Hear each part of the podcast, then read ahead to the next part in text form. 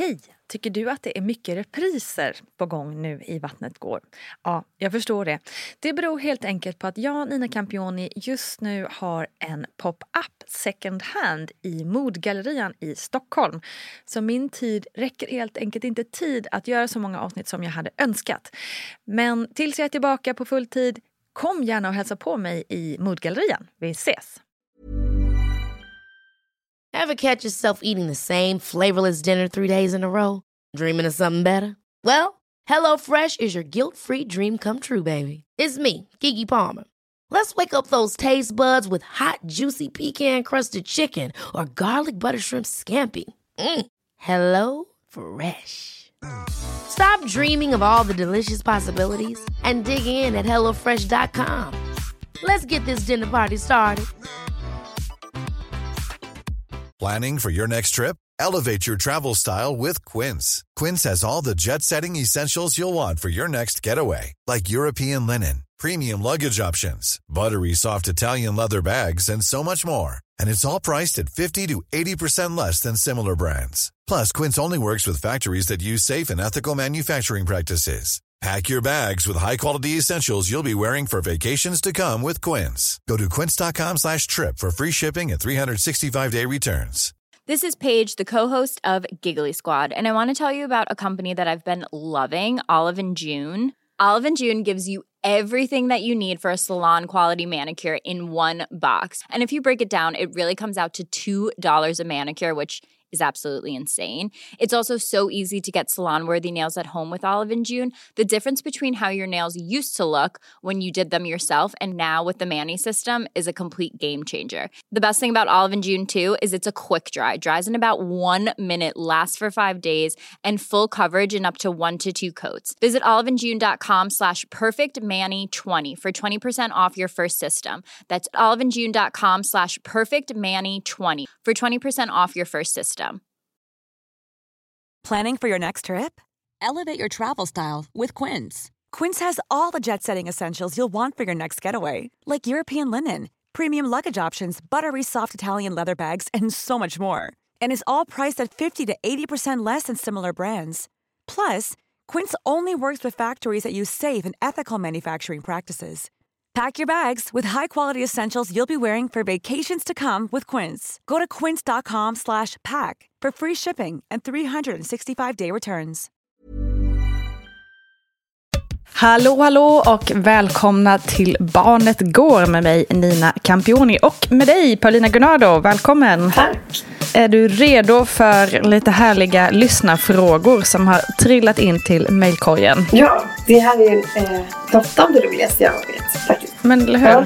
Jag tycker också det är så sjukt skoj och det är så kul att eh, det också verkar som att det börjar liksom rulla på ute hos lyssnarna också. Att ni har lärt er att vi då och då har de här lyssnarfrågor till fällorna. För nu har det börjat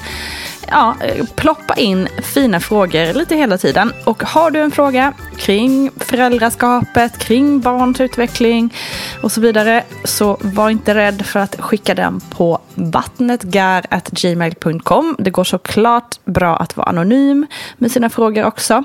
Det är bra att man skriver det då. Eh, annars är det bara att köra på så tar vi liksom upp de här frågorna allt eftersom här i programmet. Och kommer det fler frågor, ja då kör vi ju liksom lyssnarfrågor oftare helt enkelt. För det är väldigt, väldigt kul som sagt att få de här olika frågeställningarna till sig. Eh, men ska vi först kolla läget? Hur mår du Paulina?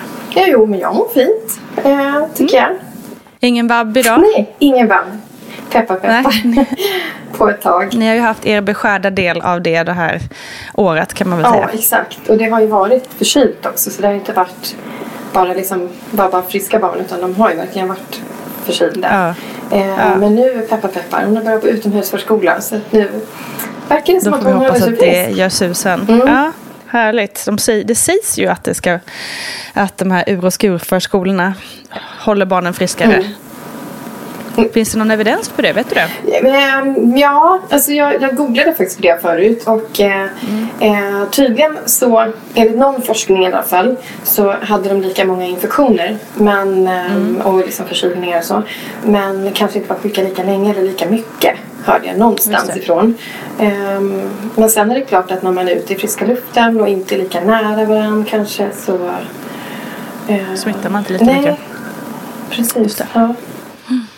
All right. Det var en liten bonusfråga Mm. helt enkelt.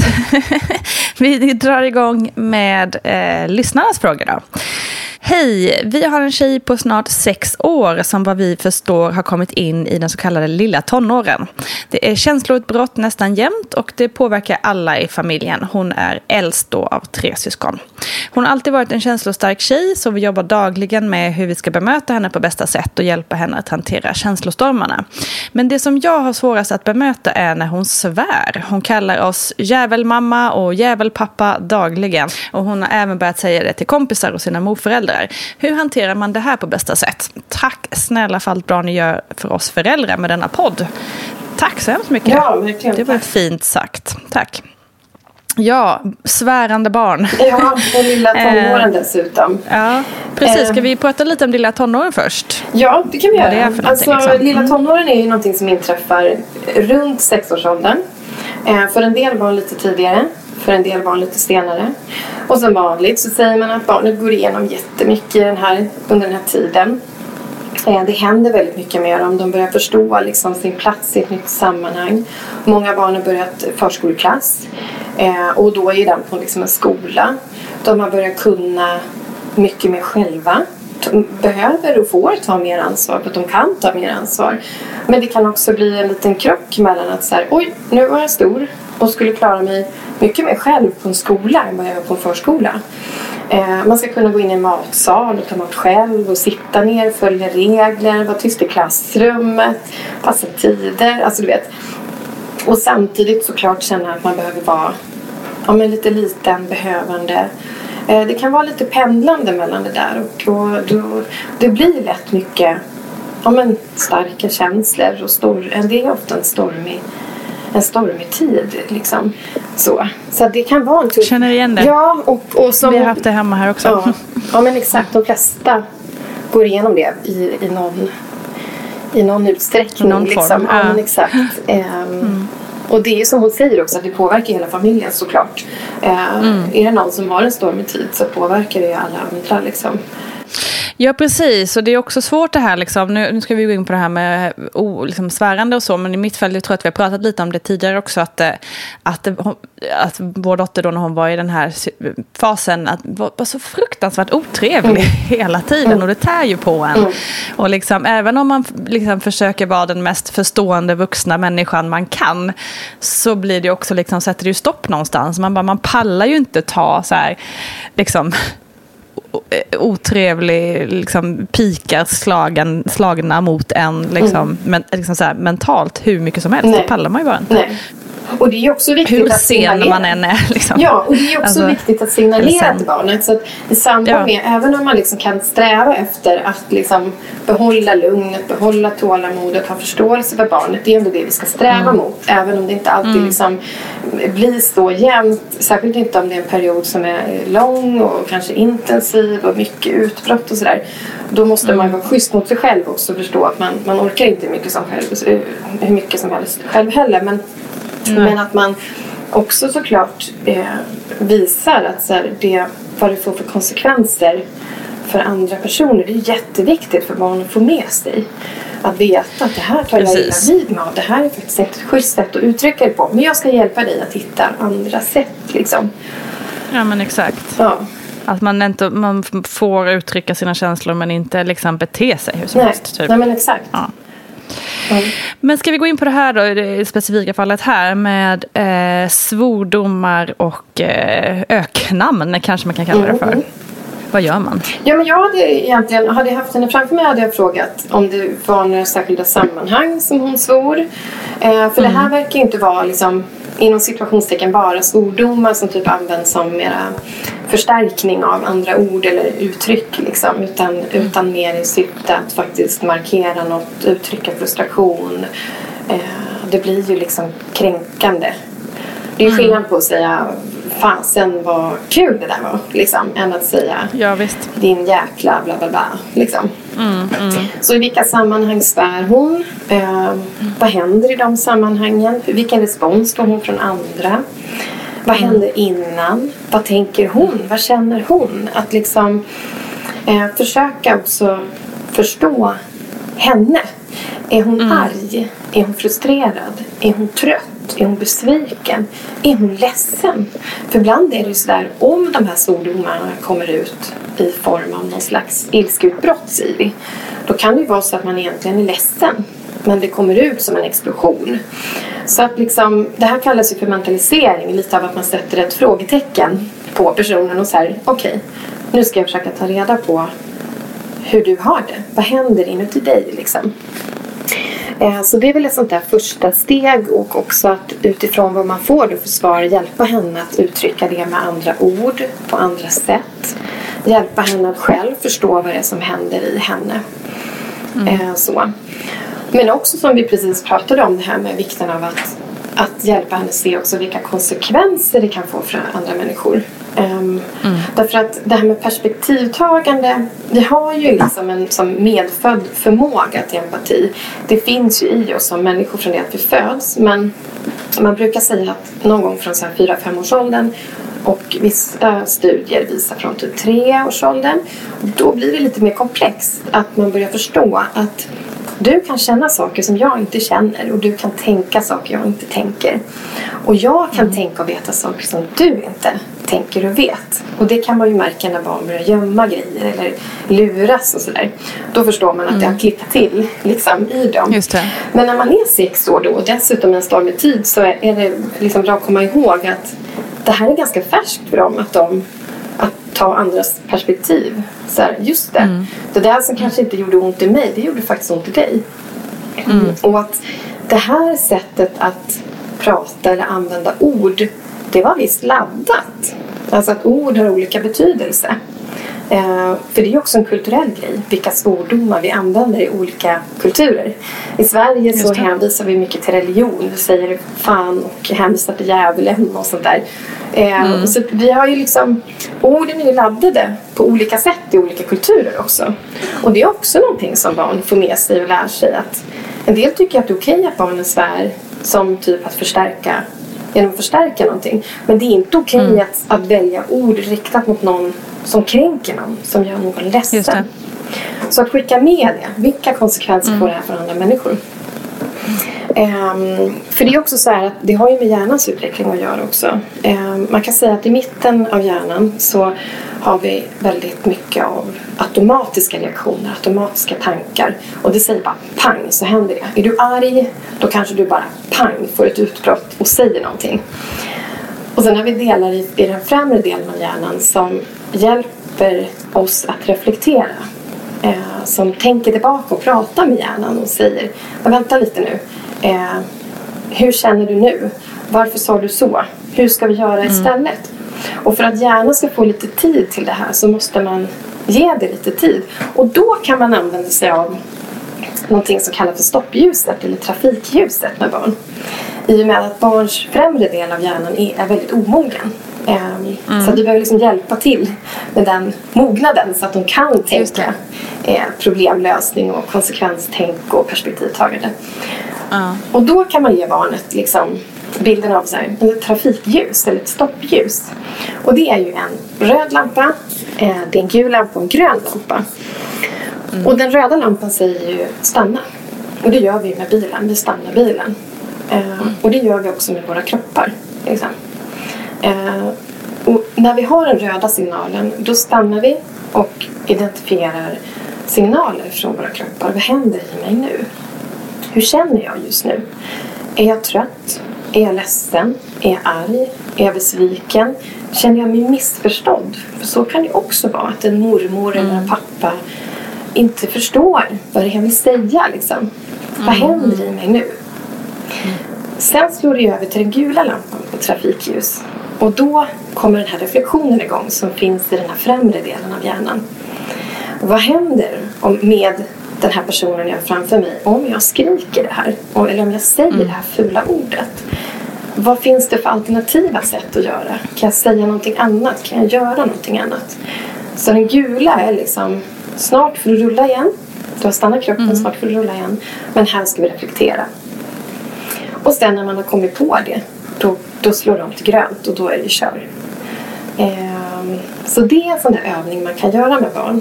Eh, Men ska man då Ja, precis. Men ska man då typ i stunden så här säga, men nu är det röd lampa, alltså att man säger det. De, man förklarar den här liksom, modellen in, alltså i, i, vid ett lugnt tillfälle. Mm, mm.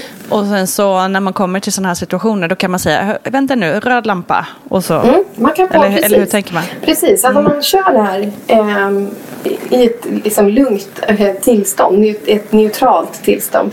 Eh, ja. Där man har det bra och bara pratar om vad händer nu till exempel. Eller mm.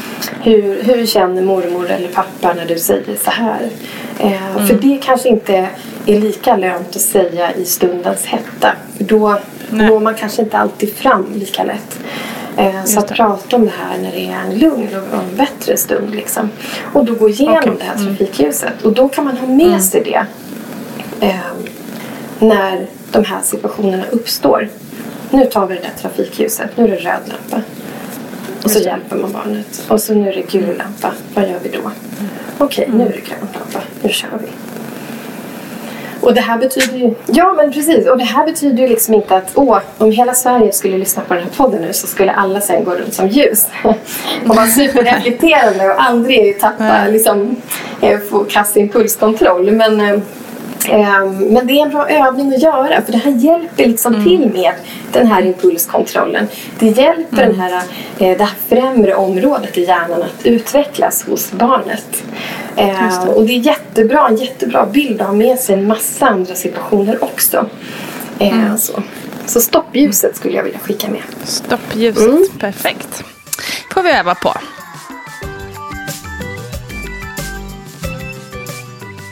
Då går vi vidare. Hej! Först och främst tack för en fantastisk podd. Jag är så himla glad att jag hittade den. Ja, vad roligt. Vi är väldigt glada att du hittat hit också. Eh, jag har en dotter som blir tre i april och nu till min fråga.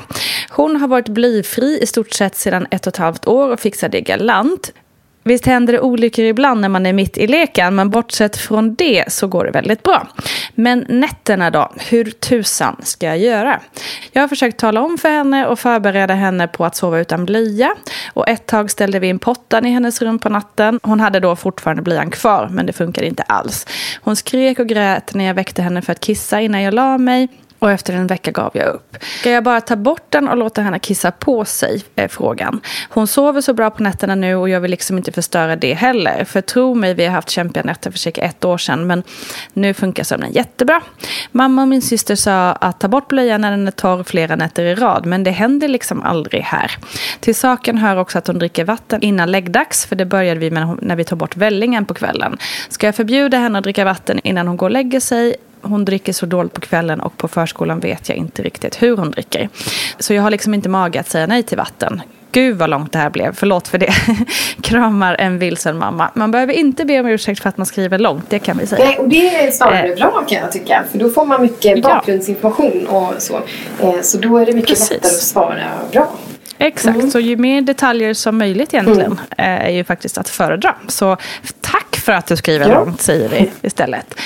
Okej, så vi har en treåring som är blöjfri på dagen. Det går bra och har fortfarande blöjan kvar på natten. Eh, och mamma väntar här då på att den ska liksom bli torr på natten så att man kan börja öva utan blöja helt enkelt. Um, och så var det det här med vattnet då. Um, ja, men, vad, vad, gör vi med blöjan när man ska vänja av på natten, på natten tycker du? Ja, men, eh, det första jag skulle vilja säga egentligen är att det är vanligt att inte vara på torr på natten när man är tre. Um, okay. Utan de flesta blir torra någon gång innan de är fem i alla fall. Så att jag skulle så snarare... kanske inte egentligen stressa med det här? Nej, jag skulle snarare vilja lugna än att, än att stressa på att det är liksom viktigt att bli torr. Mm. Om hon inte är torr i blöjan på natten. För det är ju som, som de säger här att, att det brukar vara ett bra tips att liksom ta bort blöjan när, när den är torr flera nätter i rad. Då kan man märka att barnet mm. är redo. Eh, mm. sen är det klart att det går att, att liksom öva lite grann. Till exempel med att ha pottan i rummet som, som de har gjort här. Mm. Eh, och att ta upp barnet när barnet sover faktiskt. Nu har ju det här barnet vaknat och skrikit och gråtit och det är ju inte kul för någon såklart. Nej, på, så här, när man vill sova. Mm. men då kan man tänka på att barn har ju man går igenom olika sömncykler och är i olika sömnfaser. Vilket gör att man, om man tar upp ett barn mitt i någon sån här fas som inte är bra, då vaknar man och blir jätteirriterad över att man blir väckt såklart. Mm. Eh, men man kan testa lite på barnet och det gäller även bebisar som man ska försöka lägga ner efter att man kanske har vischat dem i famnen till exempel. Eh, att man mm. testar lite så här, verkar barnet sova djupt? Eh, då kan det vara lättare att lyfta upp utan att barnet faktiskt vaknar. Så att ta mm. reda lite på sömncykler, när somnade barnet? Eh, prova att ta upp när det verkar lite lättare att det här barnet inte mm. vaknar. Man kan testa det i alla mm. fall om man vill försöka eh, bli av med blöjan på natten. Men annars så skulle jag säga att det är vanligt att inte vara torr på natten när man är tre. Men det kanske är nästan, nu, nu, nu går jag in mm. som, som expert här ja, och känner att, att hallå, då, då känns det ju verkligen så här, ta ett steg tillbaka. Ta, ta ett djupt mm. andetag och strunta i eventuella konventioner som, som stressar, som säger att, att ditt barn ska bara liksom, sova utan blöja. Mm. Om, man, liksom, om det inte finns något så här, eh, fysiologiskt behov att hon blir, får utslag av blöjor mm. eller något. så kan man väl bara då ta det lite lugnt. Ja, exakt. Och det där ja. kommer sen med tiden också för de allra flesta. Liksom. Eh, ja. När kroppen är redo. För det kan också vara sådär att de eh, om de sover lite mer ytligt då kanske de vaknar och går och kissar. Men sen när de sover mm. djupt då vaknar de inte. Och då har du kiss i Nej. hela sängen. Liksom. Så ja. att prova hellre med tid igen. Och, och jag skulle säga så här, tappa inte hoppet om att det aldrig händer. För att eh, för de flesta så blir de torra liksom, på natten innan de är fem. Ja, man ser ju inte jättemånga tioåringar med nej, blöja på natten nej, faktiskt. Nej. Um, om man ska skoja till lite. Men jag tänker att eh, precis, vi får hoppas att det här lugnar dig lite, eh, vilsen mamma som du skriver här. Att, eh, att man kanske bara inte behöver vara blöjfri på natten just nu. Mm. Eh, men det här med vatten och så, nu är inte du någon eh, liksom, dietist eller så. Men jag tänker det här, det är ju rätt många som, vi har själv eh, vattenflaska vid sängen och våra barn dricker nästan alltid lite vatten innan de somnar. Och kan också vakna ibland och vill ha vatten. Eh, vad, vad, vad, säger vi om liksom, dricka innan man går och lägger sig? Är det bra eller inte? Eller vad ska man säga om det? Jag skulle inte förbjuda henne att dricka vatten. Det tycker jag absolut inte. Nej. Vill hon ha vatten och är törstig så, så ska hon såklart få dricka vatten. Eh, mm. Däremot så kan man titta på hur det är under dagen. Nu ska vi se här. Eh, Nej, förlåt. Det där kan vi klippa bort dricker... någon annan. Ah, okay. mm. eh, jo, men eh, nej, jag skulle inte förbjuda henne att och dricka vatten om hon behöver dricka vatten. För att är hon törstig och sugen på vatten så är det bra att det finns lite vatten. Men däremot mm. att titta på hur det är under dagen. För att vissa barn de är så inne i sin lek. De är liksom, det är full fart och de glömmer bort att de ska dricka. Och till och med mm. äta. Eller kanske gör, det blir olyckor i byxan för att de är så mm. inne i sin lek att de glömmer bort att gå och kissa och sådär. Eh, så därför skulle jag faktiskt stämma av med förskolan. Om man märker att barnet dricker mycket eh, sen. Stäm av med förskolan. Dricker mitt barn på förskolan? Och om det är så att barnet kommer hem och är jättetörstig på kvällen. Eh, se till att eh, om personalen där påminner barnet om att dricka vid lunchen. Och är det varmt ute, gå till din flaska. Så att man inte glömmer bort det. Liksom. För då kanske det blir lite mindre vattenintag sådär sent då, så att de inte hinkar vatten precis innan läggdags. Nej men precis, exakt. Jag tänker att oftast är det väl kanske bara några liksom liten sipp man behöver där innan man, ja, man är lite torr. Liksom. Ja. Mm.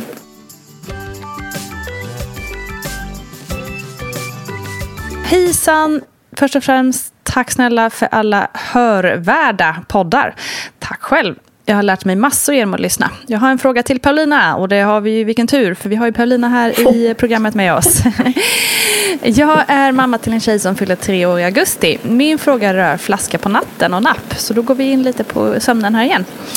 Eh, vår dotter är väldigt aktiv. Hon kör på i full fart hela dagarna i 12 timmar utan paus. Hon slutade sova middag förra våren.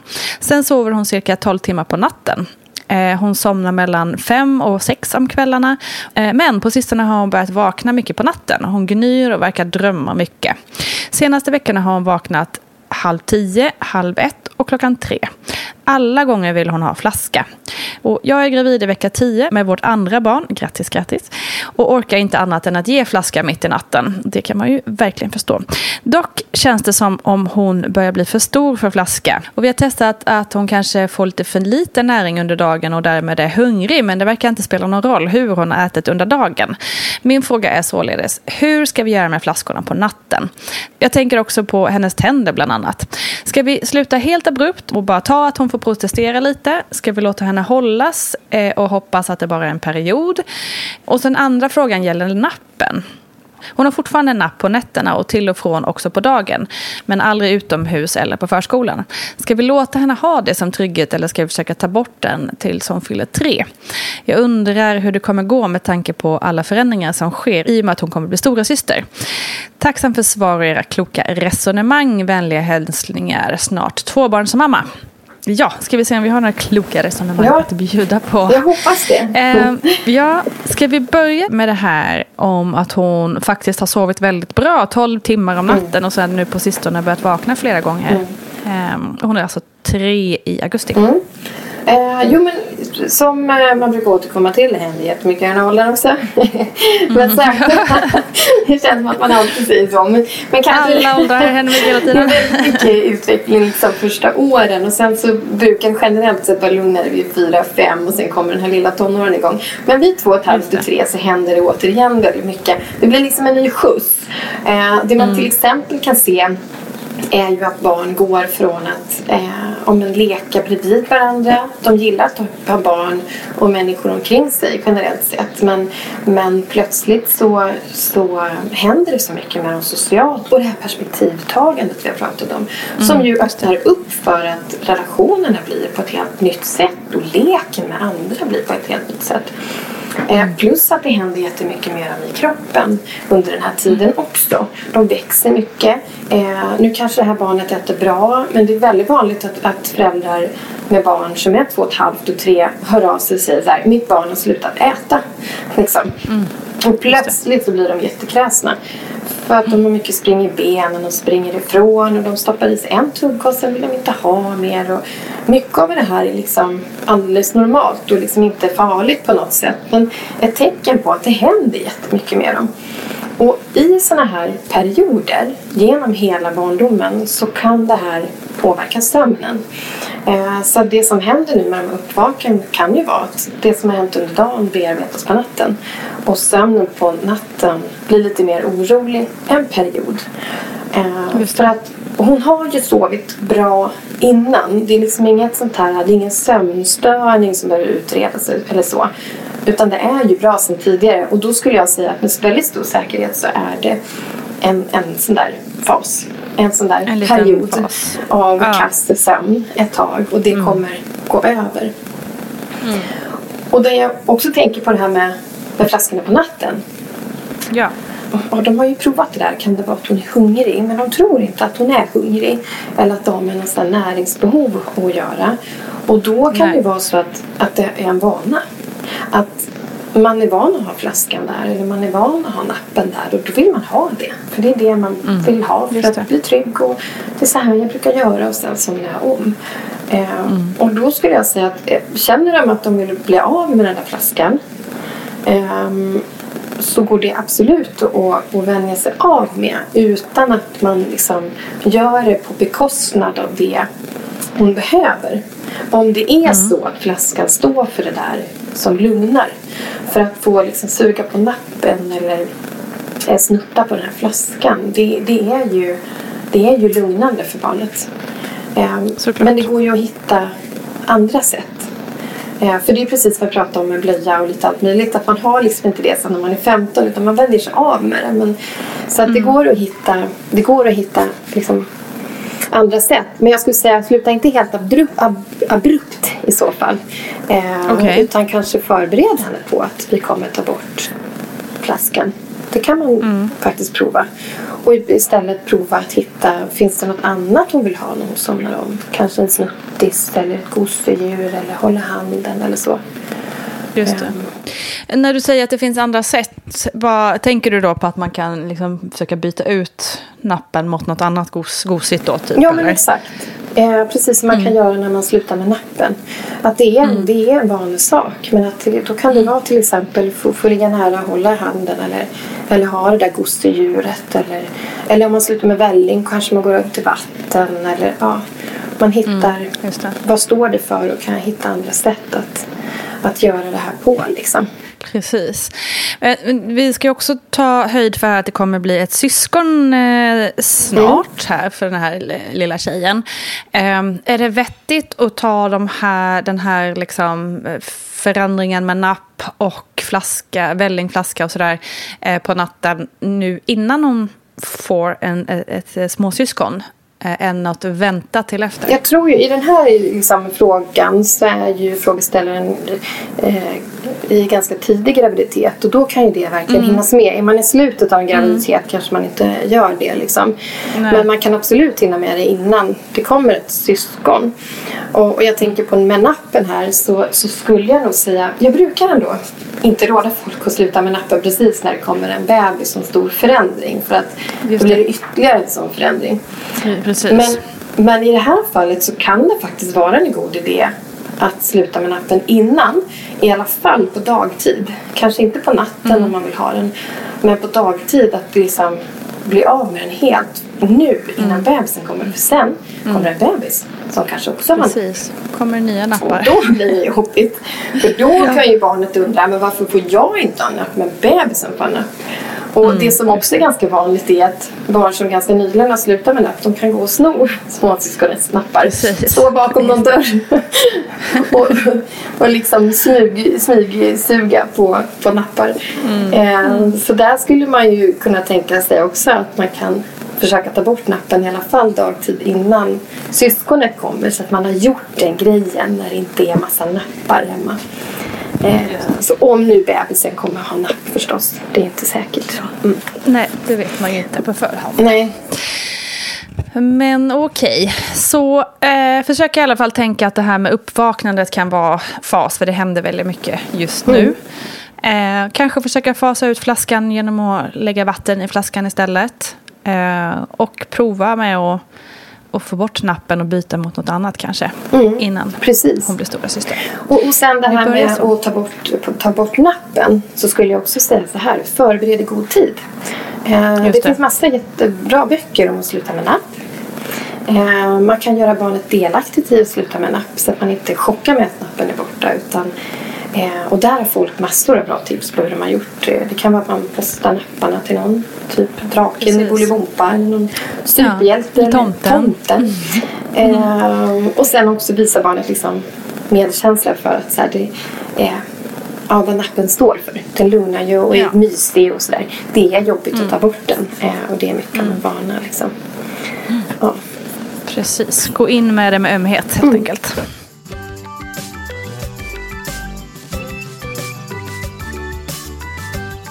Alright, hej! En fråga på temat redo för fler barn eller ej som vi hade i förra frågepodden om ni minns. Eh, här kommer kanske en lite luddig fråga men jag hoppas att det framgår hyfsat vad jag undrar. Hur vet man om och i så fall när man vågar skaffa ett barn till om det känns tuff redan med bara inom situationstecken ett barn. Vi har en dotter på 14 månader och jag har mått piss i snart två år nu.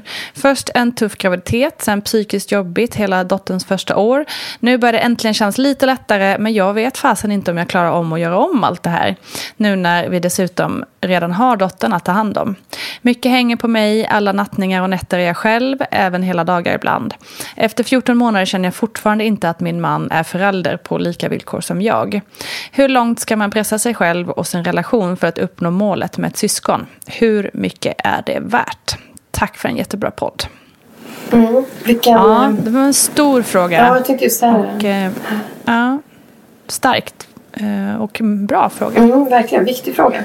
Eh, Dels så skulle jag vilja börja med att säga att det låter väldigt tufft att ha haft en tuff graviditet och att det har varit eh, fortsatt tufft.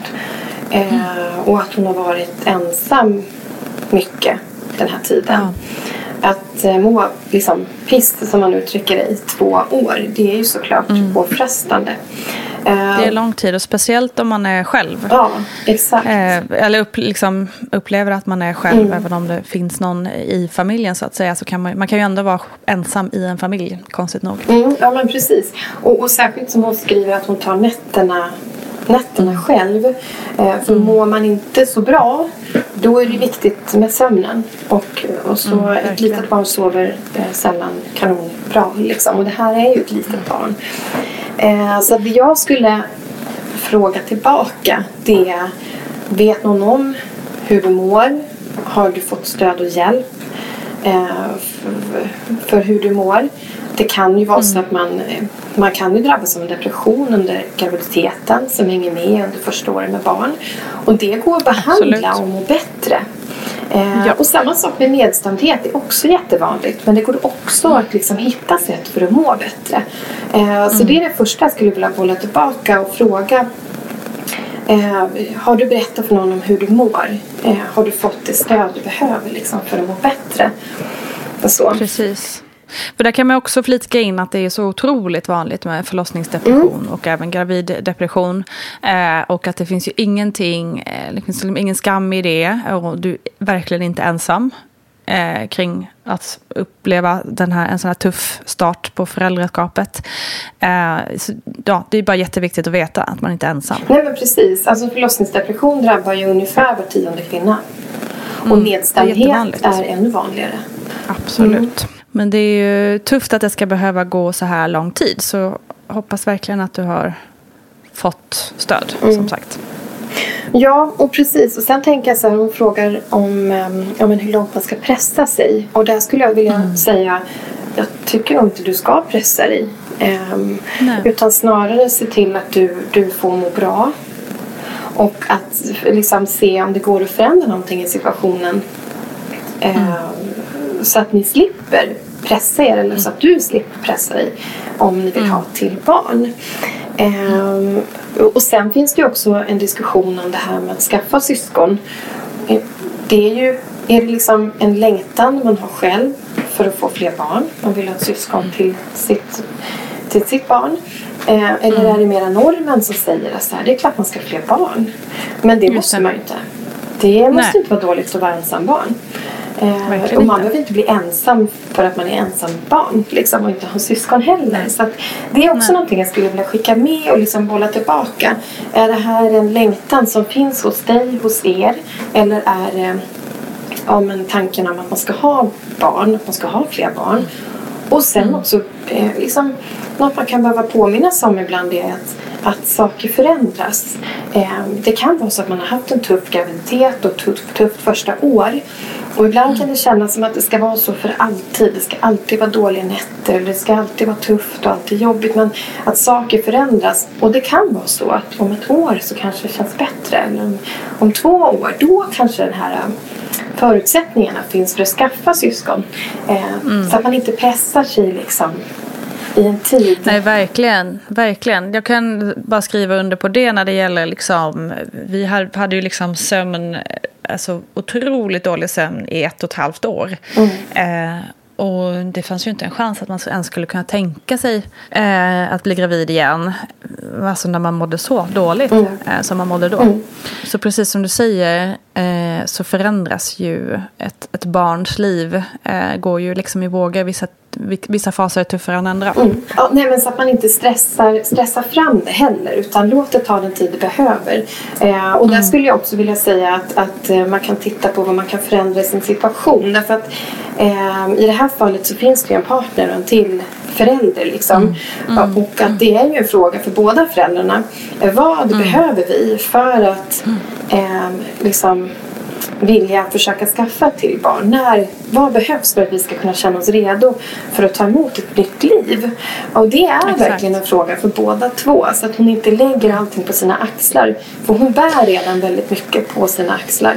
Eh, I en ja, tid där precis. hon inte mår bra. Liksom. Ja, exakt. Man hade, här kanske man också hade, nu blir det lite att man, man antar lite, men det är lite svårt att veta om, om eh, ifall de här föräldrarna pratar med varandra kring mm. de här mm. frågorna. Eh, men annars är ju det verkligen eh, ett, liksom ett förslag att, att ta upp ordentligt med den här medföräldern.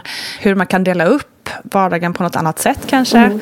Eh, hur han kan mer komma in i matchen så att säga. Ja, men precis. Eh, om man ska vara lite hård. För att det är inte bara, det är inte bara du, eh, kära mamma här, som, som som har det här ansvaret. Nej, Ni är föräldrar tillsammans. Precis, jag tänker på det att hon beskrev också att, eh, att hennes man inte är förälder och hon är förälder på lika, på lika villkor. Att man, eh, att man hittar en, om en gemensam bild av föräldraskapet och en gemensam mm.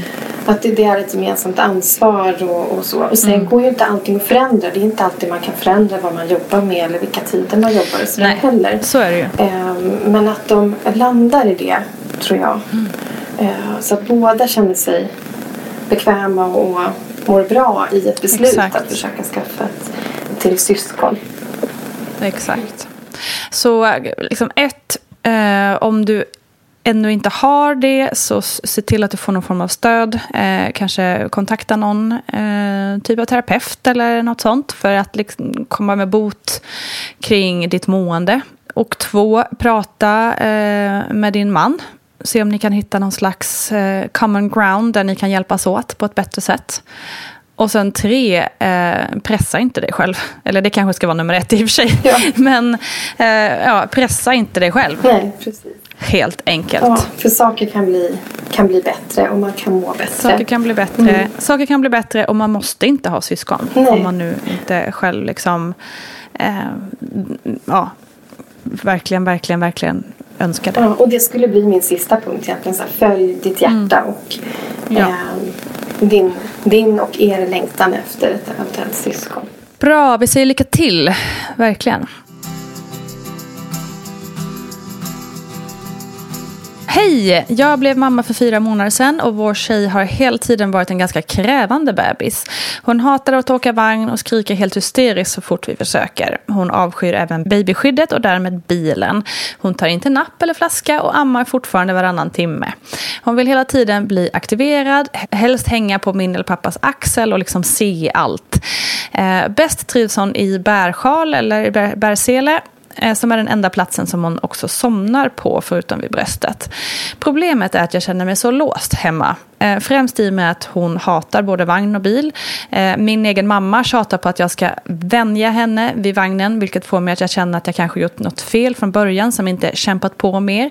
Det har liksom känts så fel för mig när hon skriker och jag tänker att det kanske är hennes personlighet och inte en vana. Är jag rätt ute eller kan man vänja en bebis vid till exempel vagnen då? Kommer hon helt plötsligt att börja gilla vagnen en dag om jag har tur? Eller är det något som hon måste lära sig? Så liksom, kan jag få henne att tycka om vagnen genom att träna på att vara i vagnen? Eller är det ingen idé? Tacksam för svar. Ja, men alltså jag tror att hon är rätt ute. Och, eh, men att det absolut går att, träna på att vara i vagnen. Eh, det, det, tror jag. Så det kan vara en personlighet men det går också att träna? Ja, för det, ofta pratar ja. man ju om liksom så här, arv och miljö. Alltså vi föds olika eh, från start. Vi har olika personlighetsdrag, mm. vi har olika temperament. Vi är olika eh, känsliga för intryck. Och mm. eh, en del vill ha jättemycket intryck men kan sen bli ganska överstimulerade. Och en del bebisar vill ha mycket mer fysisk närhet än andra och tycker absolut inte om att läggas ner i liksom, en vagn eller en säng. Det kan mm. man bara glömma. Liksom. Och det signalerar de liksom, väldigt tydligt också. Um, och så är det att det liksom, barnen de, de föds uh, de mm. föds olika. Men mm. sen formar de, formas de ju också av sin miljö och eh, hur vi gör och, eh, och sådär. Så det kan absolut mm. vara så att det här barnet kommer att kunna tänka sig åka vagn i framtiden. Eh, ligga i en säng, lägga ett eller sitta ett babyskydd och åka bil sen. Eh, så att mm. man inte känner att det här eh, kommer vara liksom för evigt utan, utan att det kan vara så här eh, vara så här en tid. Liksom. Mm. Det är ju också vanligt att, att känna sig låst. Eh, särskilt så här första tiden när, när mycket är nytt och då väldigt mycket fokus eh, är på på det lilla barnet och liksom ska vara mm. på barnet. För att barn föds ju totalt hjälplösa och totalt beroende. Men det är också så att vi inte ska vara ensamma utan man måste också få kunna ha fokus liksom också på på sig själv och vad man själv behöver. Liksom. Och, och där tänker jag att man absolut kan, kan vänja ett barn med att vara i vagnen. Ehm, och, och hade jag haft den här personen framför mig hade jag frågat Har ni försökt vänja? Hur länge har ni försökt vänja? Hur har ni gjort? Eh, och där skulle jag också vilja säga att man känner sitt barn bäst själv och barnets signaler bäst själv. Man märker när så här, det här känns inte bra. Jag vill liksom inte att mitt barn ska skrika länge till exempel. Men ta upp barnet om det inte känns bra för dig. Liksom. Och, och barn ska inte ligga och skrika, liksom, skrika länge bara för att man ska minsann vänja dem precis just då då de kanske själva inte är redo. Men det går ju att vänja barn. Precis som vi har pratat om att det går att vänja barn vid att sova i sängen. Eh, för många gånger handlar det ju om att, att eh, de vill känna att du är där. Jag brukar ofta prata om närhet. Och det handlar inte bara om den fysiska närheten, närheten utan också den känslomässiga närheten. Att bebisen vet att du är kvar här. Liksom. Eh, så det man kan testa är ju att om man lägger ner bebisen i vagnen och så ser man till att den är liksom sådär, vad säger man, omhuldad. Det är liksom ombonat i vagnen. Gosig, liksom. Gosigt och mysigt och lite runt omkring bebisen. Eh, inte för varmt, inte för kallt och sånt där. Eh, så att det blir lite mysigt. Och sen så kan man ha vagnen stående. Eh, gunga den lite grann. Luta dig över bebisen. Lägg gärna handen på magen eller håll i handen och stryk liksom på magen till exempel. Eh, och så kan man tala med lugn röst och berätta. Jag är här. Och det kan vara så att, att små barn somnar då till slut eller börjar Ja. acceptera. När de märker att Ja. så här, oj, jag lades ner i vagnen men mamma eller pappa eller någon annan viktig vuxen är kvar. Precis, och finns här. inte. Vi har kroppskontakt med handen på magen. Det finns en lugnande röst. Du är nära mig. Både kanske fysiskt men också känslomässigt.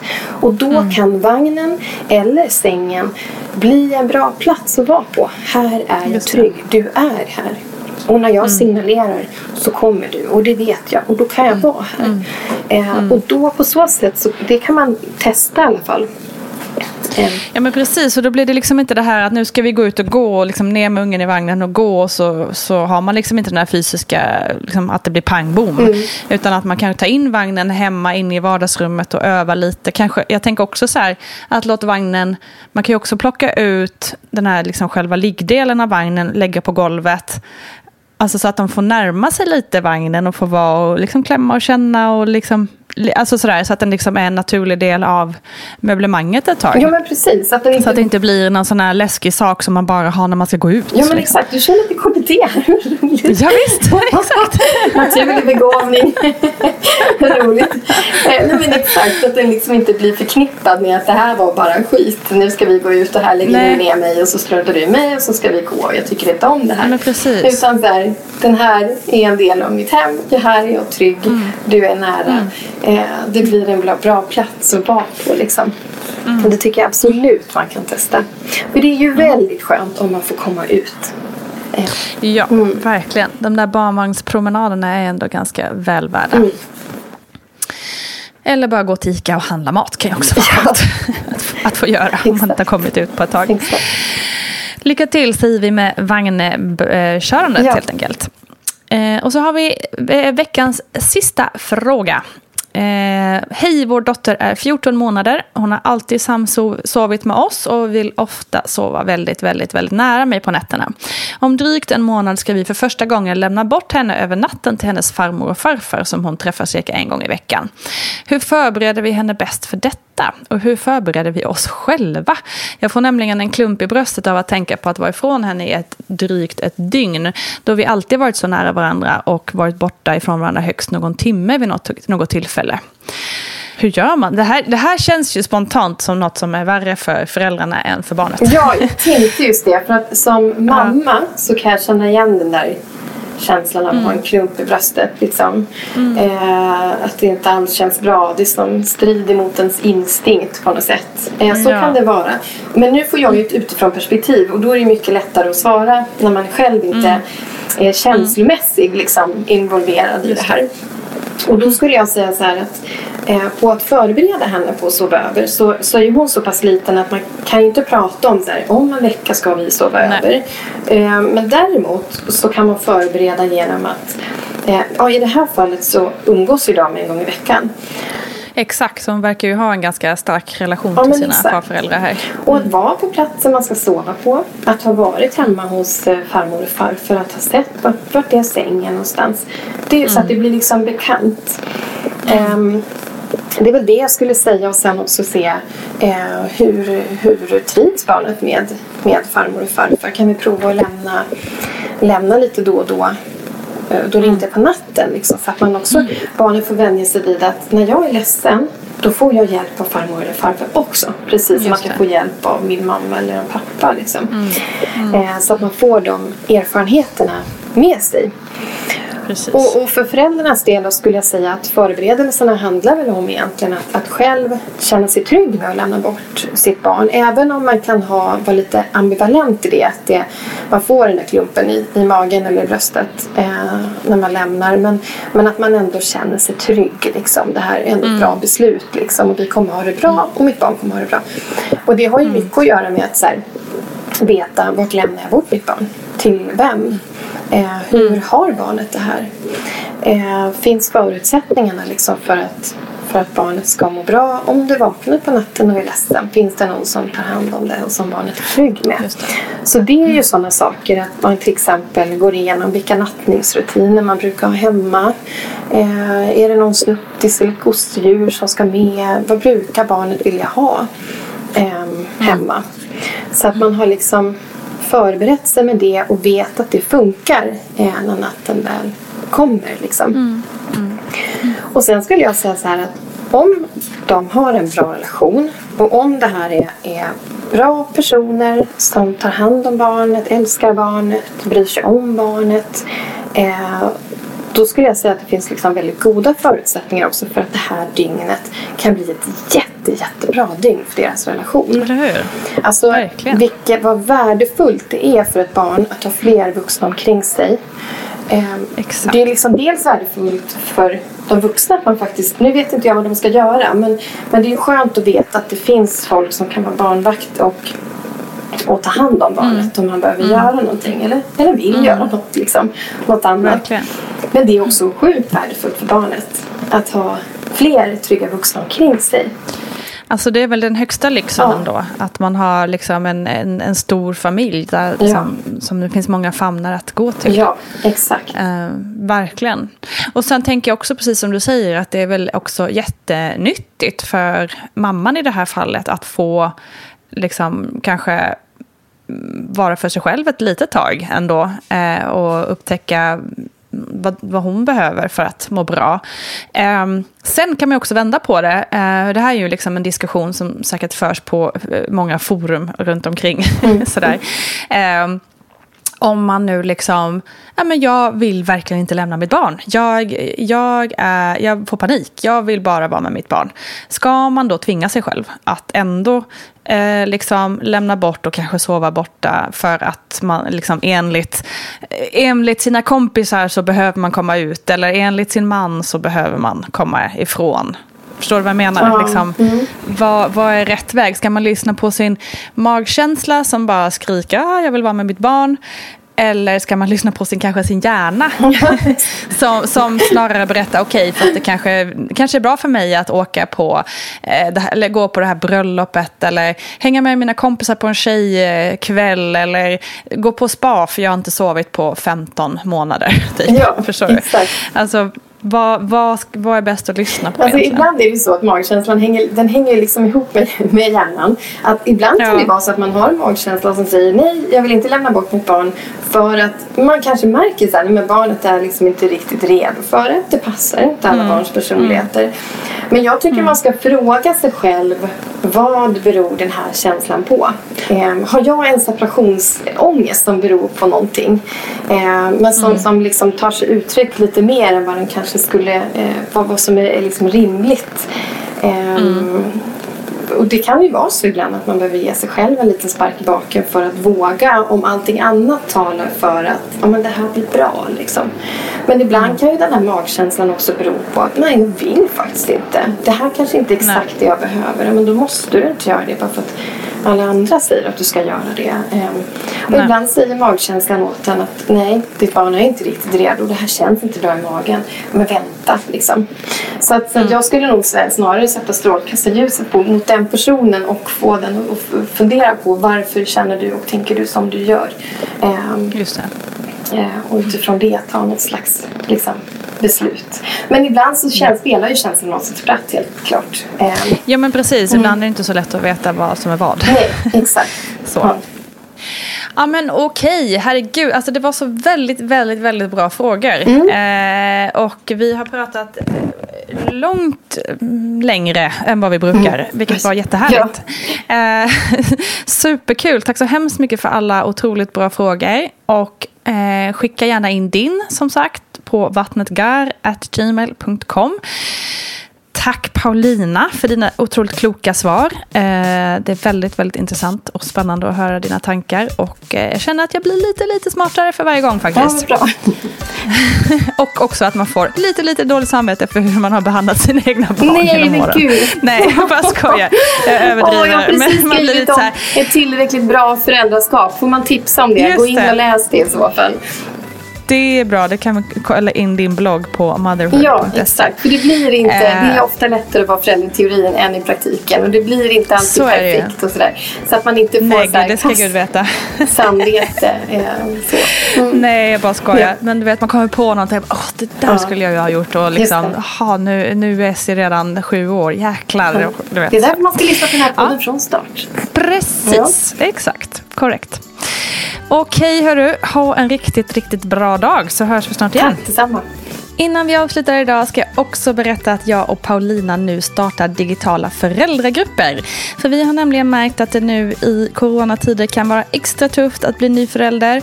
BVC har ju bland annat dragit in sina egna föräldragrupper och det är ja, helt enkelt svårt att träffas IRL och prata om allt det där man går igenom som nybliven förälder. Ni vet, det är massa nytt att lära sig och det är inte så lätt alltid. Och är det något vi behöver i dessa tider så är det ju just att prata med andra människor som är i samma situation. Det finns faktiskt något otroligt trösterikt i det. Så därför startar jag och Paulina nu föräldragrupper. Det blir fem träffar med start 28 april. Och vi kommer gå igenom föräldrarollen och omställningen att bli förälder. Vi kommer prata om maten och sömnen. Vi kommer prata om nedstämdhet och ångest, barnets faser och den här så kallade trygghetscirkeln. Vi kommer snacka jämställdhet och relationen och familjelivet helt enkelt. Tillsammans pratar vi alltså om allt detta och får dessutom bra råd och hjälp av experten Paulina Gunnardo. 600 kronor kostar hela kursen, men eftersom det här är första gången vi gör det så får du rabatterat pris på 400 kronor om du anmäler dig ASAP. Så gör det på en gång vet jag. Skriv ett mejl till vattnetgar.gmail.com så fort du bara kan så ser du till att säkra din plats i vår föräldragrupp. Du är så varmt välkommen. Vi hörs snart. Hej hej! Ever catch yourself eating the same flavorless dinner three days in a row? Dreaming of something better? Well, HelloFresh is your guilt-free dream come true, baby. It's me, Kiki Palmer. Let's wake up those taste buds with hot, juicy pecan-crusted chicken or garlic butter shrimp scampi. Mm. Hello Fresh. Stop dreaming of all the delicious possibilities and dig in at HelloFresh.com. Let's get this dinner party started. Imagine the softest sheets you've ever felt. Now imagine them getting even softer over time. That's what you'll feel with Bowl and Branch's organic cotton sheets. In a recent customer survey, 96% replied that Bowl and Branch sheets get softer with every wash. Start getting your best night's sleep in these sheets that get softer and softer for years to come. Try their sheets with a 30-night guarantee. Plus, get 15% off your first order at bowlandbranch.com. Code BUTTERY. Exclusions apply. See site for details. Hi, I'm Daniel, founder of Pretty Litter. Did you know cats tend to hide symptoms of sickness and pain? I learned this the hard way after losing my cat, Gingy. So I created Pretty Litter, a health monitoring litter that helps detect early signs of illness by changing colors, saving you money and potentially your cat's life. Pretty Litter is veterinarian developed, and it's the easiest way to keep tabs on your fur baby's health right at home. Go to prettylitter.com and use code ACAST for 20% off your first order and a free cat toy. Terms and conditions apply. See site for details. Planning for your next trip? Elevate your travel style with Quince. Quince has all the jet setting essentials you'll want for your next getaway, like European linen, premium luggage options, buttery soft Italian leather bags, and so much more. And is all priced at 50 to 80% less than similar brands. Plus, Quince only works with factories that use safe and ethical manufacturing practices. Pack your bags with high-quality essentials you'll be wearing for vacations to come with Quince. Go to quince.com slash pack for free shipping and 365-day returns.